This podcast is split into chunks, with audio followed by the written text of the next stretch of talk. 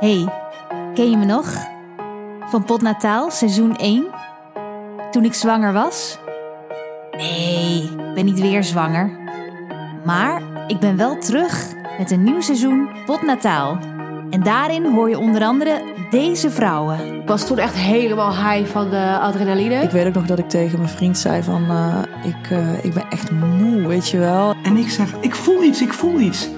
En ik denk, ik voel een handje of iets. En ik heb haar op mijn buik en ze huilt niet. En ze huilt niet, waarom huilt ze niet, waarom huilt ze niet? Terwijl de verloskundige had er en ik pakte er over onder water.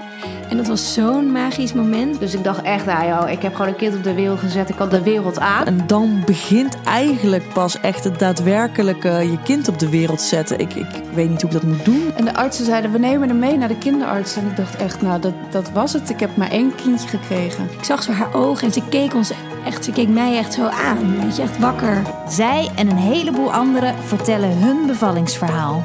In Potnataal seizoen 2. Te beluisteren vanaf donderdag 9 mei.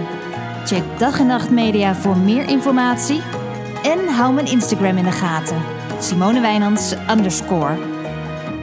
Ik zei, je moet me echt nu serieus nemen, want die baby komt nu.